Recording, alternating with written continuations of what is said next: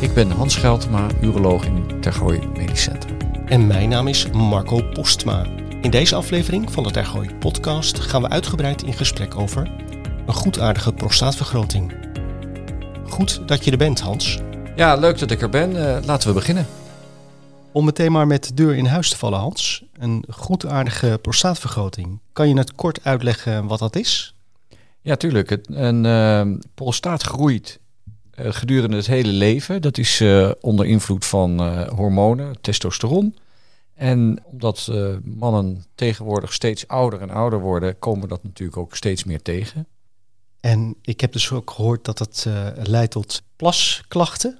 Ja, je kan je voorstellen dat als de prostaat groeit, uh, dan neemt hij ruimte in en drukt hij omliggende weefsels weg. Maar wat eigenlijk belangrijker is, is dat de plasbuis door de prostaat heen loopt. Dus als de prostaat groter wordt, dan vult hij ruimte op en daarbij drukt hij eigenlijk de plasbuis dicht. En een dicht gedrukte plasbuis is natuurlijk een plasbuis die moeilijk doorgankelijk is. Ja. En krijgen alle mannen daar last van? Alle mannen zullen in de loop van hun leven een vergroting van de prostaat krijgen. Bij de een gaat dat langzaam en bij de ander gaat dat snel. Oftewel, bij de een blijft die wat kleiner en bij de ander kan die ontzettend uitgroeien. Maar het is zeker niet zo dat alle mannen er ook last van krijgen. En mannen die er last van hebben, wat voor leeftijd hebben die? Het is wel de oudere man, uh, waarbij we wel zien dat de eerste mannen met een te grote prostaat, die kunnen ook al in de, in de 50 uh, voorkomen. En is het ook iets wat in bepaalde families uh, voorkomt? je hoort wel dat patiënten zeggen van mijn broer en mijn vader dat wel, maar het komt zo ontzettend veel voor dat het eigenlijk niet onderscheidend is. Het komt gewoon veel voor. En als we het over de cijfers hebben, hoe vaak komt het voor? Ik heb gevonden dat het bekend is. Hè, mensen zich gemeld hebben bij urologen. En dat is dan 150.000 keer in Nederland. Maar er zal een veelvoud van zijn van mannen die een vergrote prostaat hebben en misschien zelfs klachten hebben, maar die daar niet mee naar de dokter zijn gegaan. En we hebben het vandaag over een goedaardige prostaatvergroting. Bestaat er dan ook nog een kwaadaardige prostaatvergroting? Ja, ik denk dat we eigenlijk allemaal wel weten dat er ook zoiets bestaat als prostaatkanker. Uh, dat is een woekering van uh, prostaattumorcellen. En die kan eigenlijk naast een vergroting van de prostaat voorkomen. Dus het komt voor dat mannen allebei de problemen hebben. En hoeveel patiënten worden er op de polykliniek urologie behandeld aan een uh, goedaardige prostaatvergroting? We hebben een grote groep die we behandelen met medicatie. Met zelfs in problemen, als ze in de problemen komen, met katheters. We hebben daarvan een kleine groep die we echt behandelen als we het bedoelen opereren. En dat is dan een groep van ongeveer 300 per jaar. We gaan even terug naar de basis, uh, de prostaat. Kan je daar in het kort iets meer over vertellen?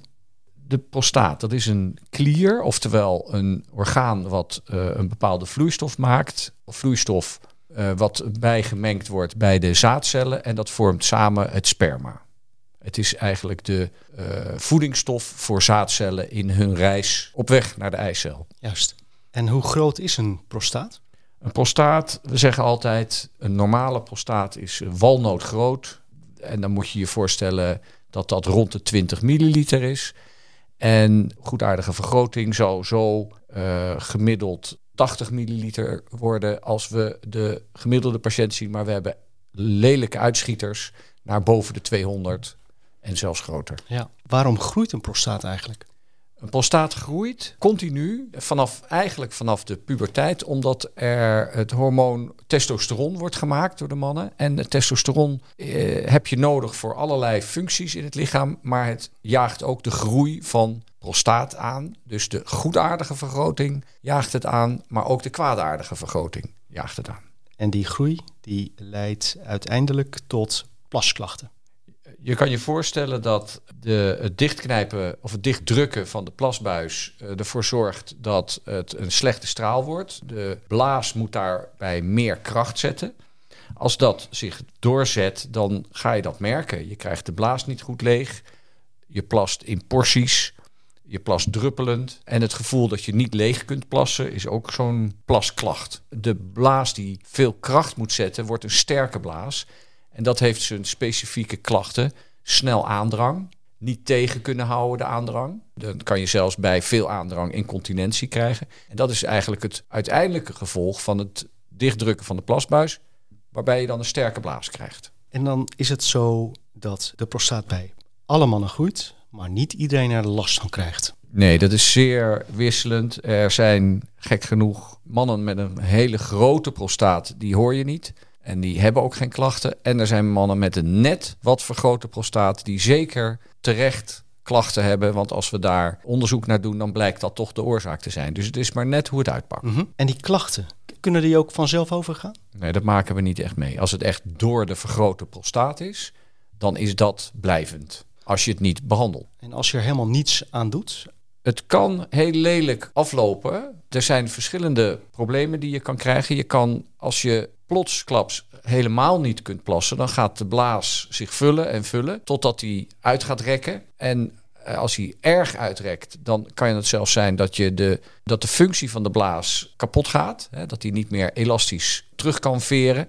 En dan hou je dus voor altijd een slecht werkende blaas met niet kunnen plassen over. Wat je ook kan hebben, dat als de blaas zich vult en vult, dat de nieren eigenlijk niet meer tegen de druk op kunnen werken en uh, hun werking verliezen en zelfs kapot kunnen gaan. Dus er is wel degelijk een slechte uitkomst als het niet behandeld wordt. Kan je er zelf ook nog iets aan doen om je klachten te verminderen? Nou, dat is vrij beperkt. Wat een, wat een belangrijke is, is dat je uh, als je merkt dat je moeite hebt met uh, plassen, dat je in ieder geval heel ontspannen probeert te plassen.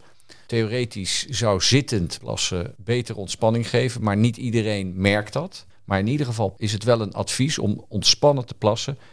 Er zijn mannen die duidelijk merken dat als ze alcohol op hebben, dat het slechter gaat. Als ze veel koffie op hebben, dat het slechter gaat. Nou, dat zijn natuurlijk meteen de adviezen die je dan kan geven. Minder dat.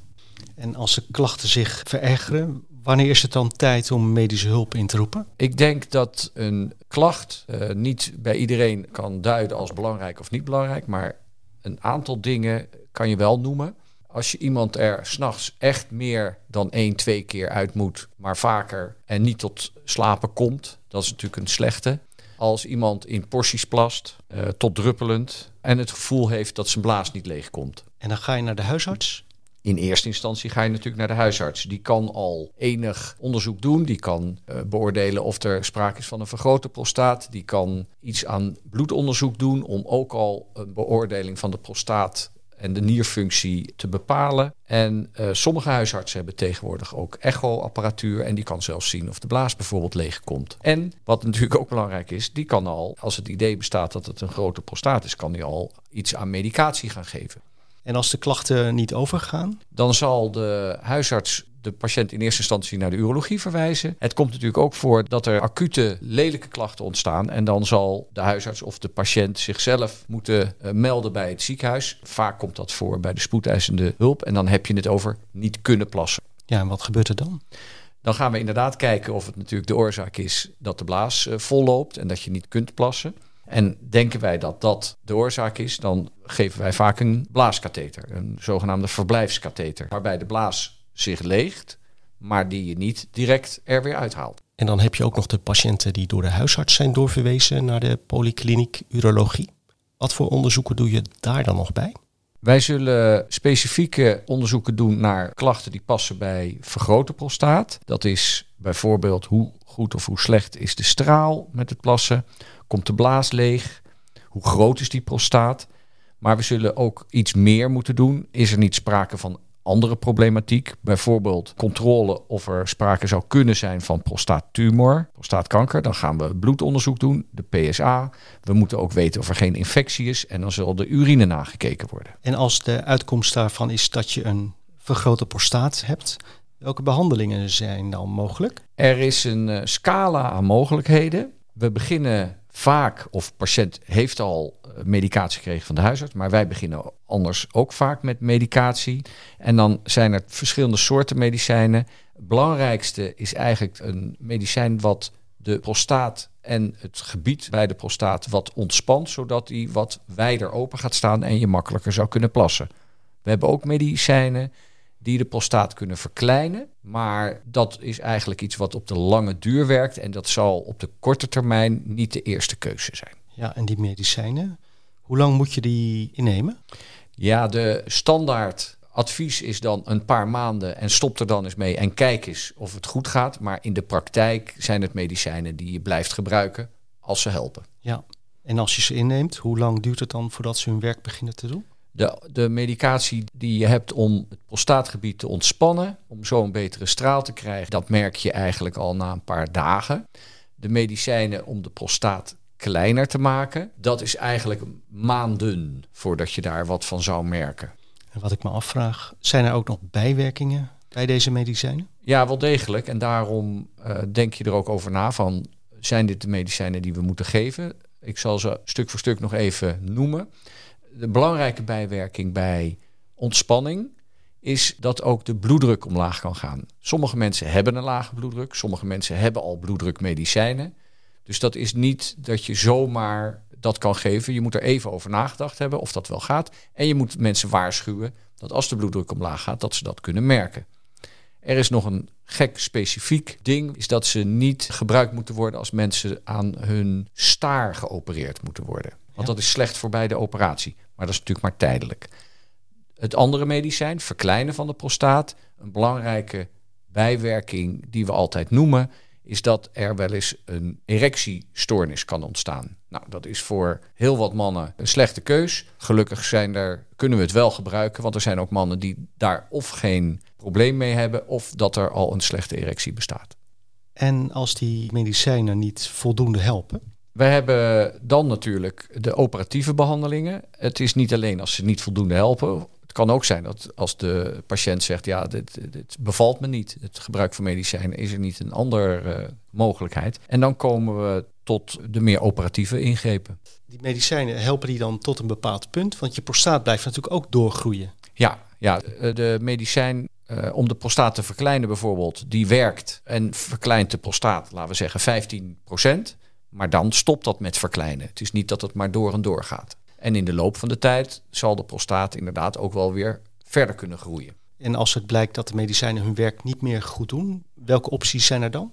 Dan gaan we nadenken over zijn de klachten zodanig dat iemand in aanmerking komt voor een uh, operatieve ingreep.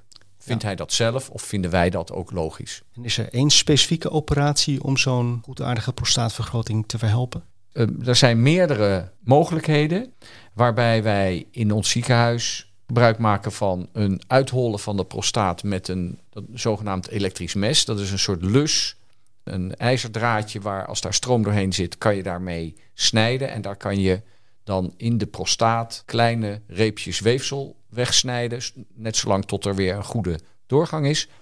Wij gebruiken zeker bij de grotere prostaten een laser, wat we dan gebruiken als mes. En het doel van die operatie is ruimte maken in de plasbuis. Een doorgang van blaas naar buiten. Is dat dan het pellen van de prostaat? Het pellen van de prostaat, dat horen we vaak. En dat is eigenlijk een foute benaming. Want het is natuurlijk niet het pellen, maar het is het uithollen van de prostaat. Maar we begrijpen wel wat de mensen daarmee bedoelen. Um, bij zo'n operatie ben je dan onder volledige narcose? De operatie moet onder verdoving gebeuren. En of dat narcose is of een ruggenprik, dat maakt niet zoveel uit. Maar zeker moet het onderlijf, zeg maar, verdoofd zijn. En wie zijn er bij zo'n operatie aanwezig? Nou, zo'n kamer loopt vol met mensen. Terwijl je zou denken, er is alleen de operateur nodig, maar zo is het niet. Je hebt een anesthesist aan het begin van de operatie met zijn medewerker. De operateur heeft één of twee verpleegkundigen die hem helpen bij het doormaken van de operatie, neerleggen van de patiënt, de spullen aanreiken, dat soort zaken.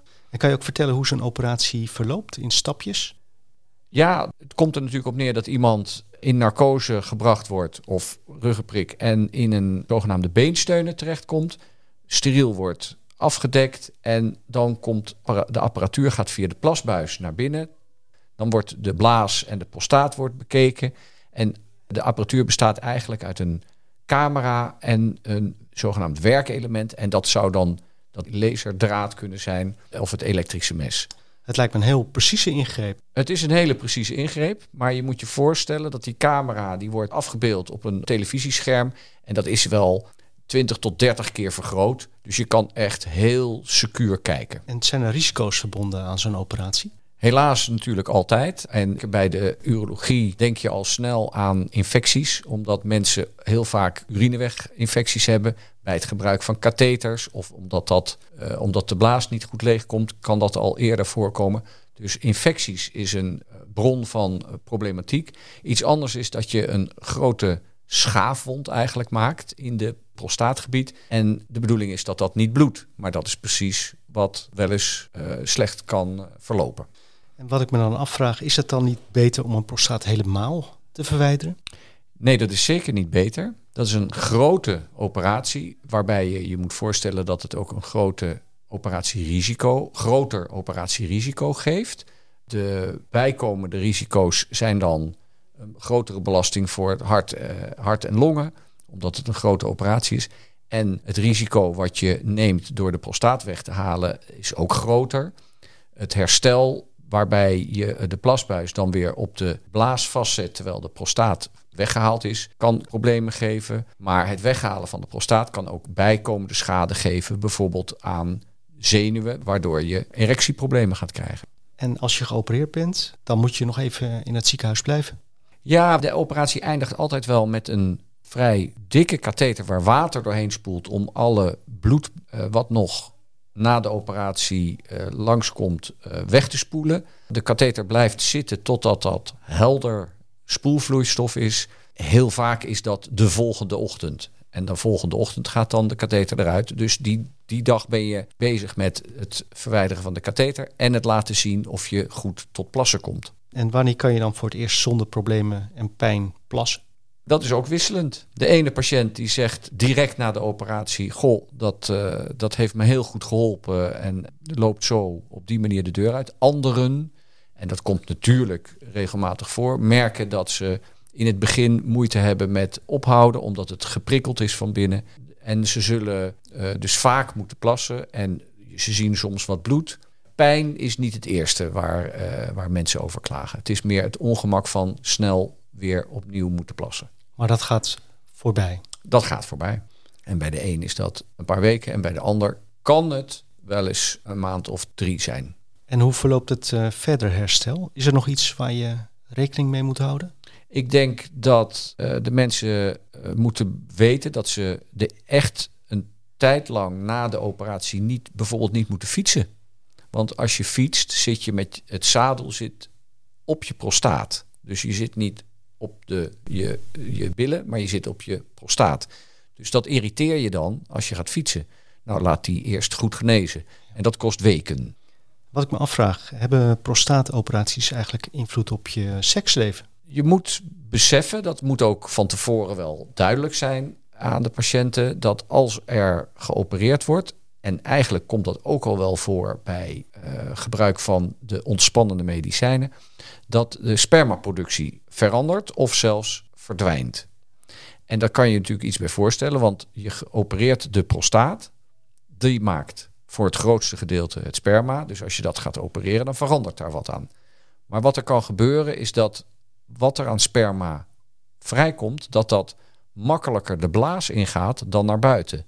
Oftewel, je hebt een orgasme, maar je hebt geen spermaproductie. Dus dat is wel echt iets uh, waar je van tevoren over geïnformeerd uh, wordt. Absoluut, ja, mensen moeten dat weten.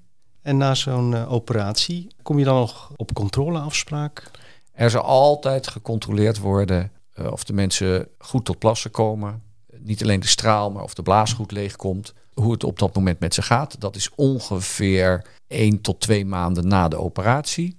En wat ook altijd gedaan wordt en wat toch echt wel uh, onderdeel is van de controle, is het weefsel wat wordt weggehaald. Dat wordt nagekeken door de patholoog.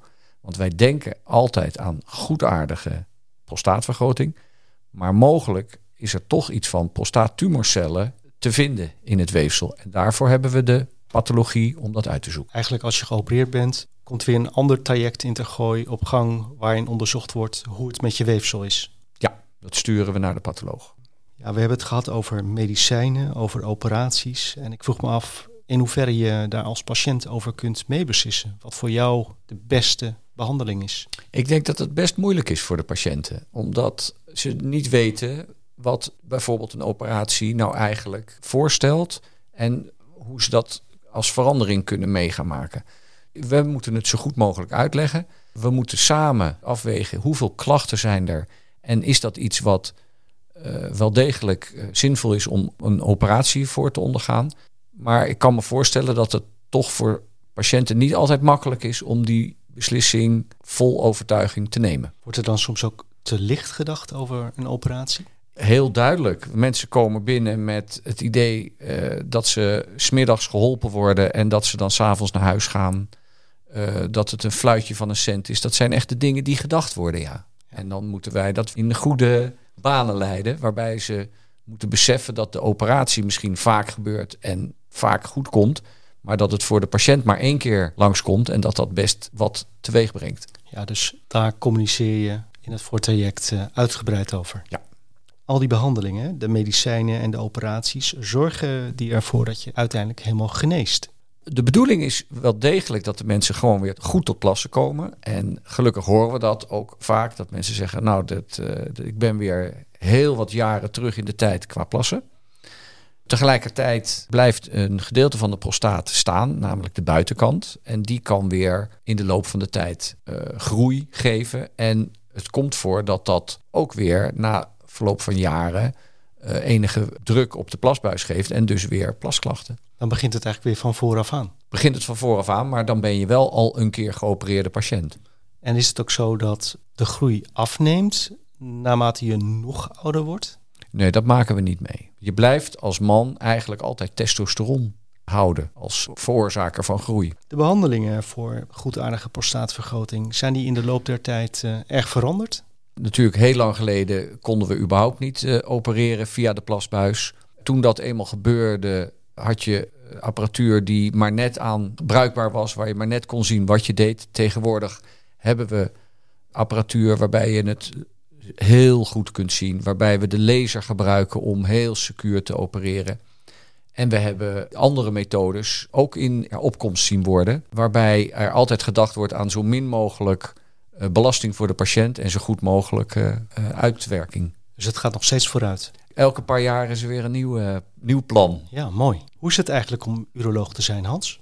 Ja, ik, ik noem het altijd afwisselend. We hebben uh, natuurlijk heel veel verschillende urologische problemen waar we mee bezig zijn. Maar wat het afwisselend maakt, is dat we heel veel onderzoek zelf doen. Wat we zelf opereren, dat we zelf behandelen, al is het maar met medicijnen. Dat we zelf de nazorg doen. En dat maakt het een, een bijna een lopend beroep. Ja, en we hebben het nu over die prostaatvergrotingen en wat je daaraan kunt doen. Maar wat doe je nog meer? In zijn algemeenheid kan je bedenken dat we vaak patiënten zien met niersteenklachten. Met tumoren van blaas, nier, prostaat en testikels bijvoorbeeld. Incontinentie, infecties. Dat zijn toch wel de grote groepen. En hoe ontwikkelt het vak uh, zich? Ik denk dat uh, als je kijkt door de jaren heen hoe het vak verandert, is, is erg groot. Je moet je voorstellen dat de urologie was de eerste die bijvoorbeeld robotoperaties uh, in grote aantallen ging doen. En nu komen andere vakken eigenlijk ook in beeld die dat, die dat doen. Maar het is echt begonnen bij de urologie. de urologie gebruikt de laser. We hebben veel behandelingen gehad die in de loop van de tijd opgekomen zijn en weer ingehaald zijn door betere behandelingen in verband met incontinentie. Uh, en zo gaat dat maar door. Dat stopt niet. Ja, mooi. We zijn bijna aan het einde van het interview, Hans. Heb je tot slot nog een uh, goede tip voor onze mannelijke luisteraars om een prostaat gezond te houden? Eigenlijk hebben ze het niet zelf goed voor het zeggen om dat te doen. Een kleine invloed zal hebben als, uh, wat ik al noemde, dat mensen ontspannen plassen. En ik denk om het af te sluiten dat het niet slecht is om regelmatig orgasme te hebben. Dat lijkt me nog eens een mooie afsluiting van dit interview, uh, Hans. Bedankt uh, hiervoor. Ik weet zeker dat onze patiënten hier veel aan gaan hebben. Dankjewel. Heel goed, dank.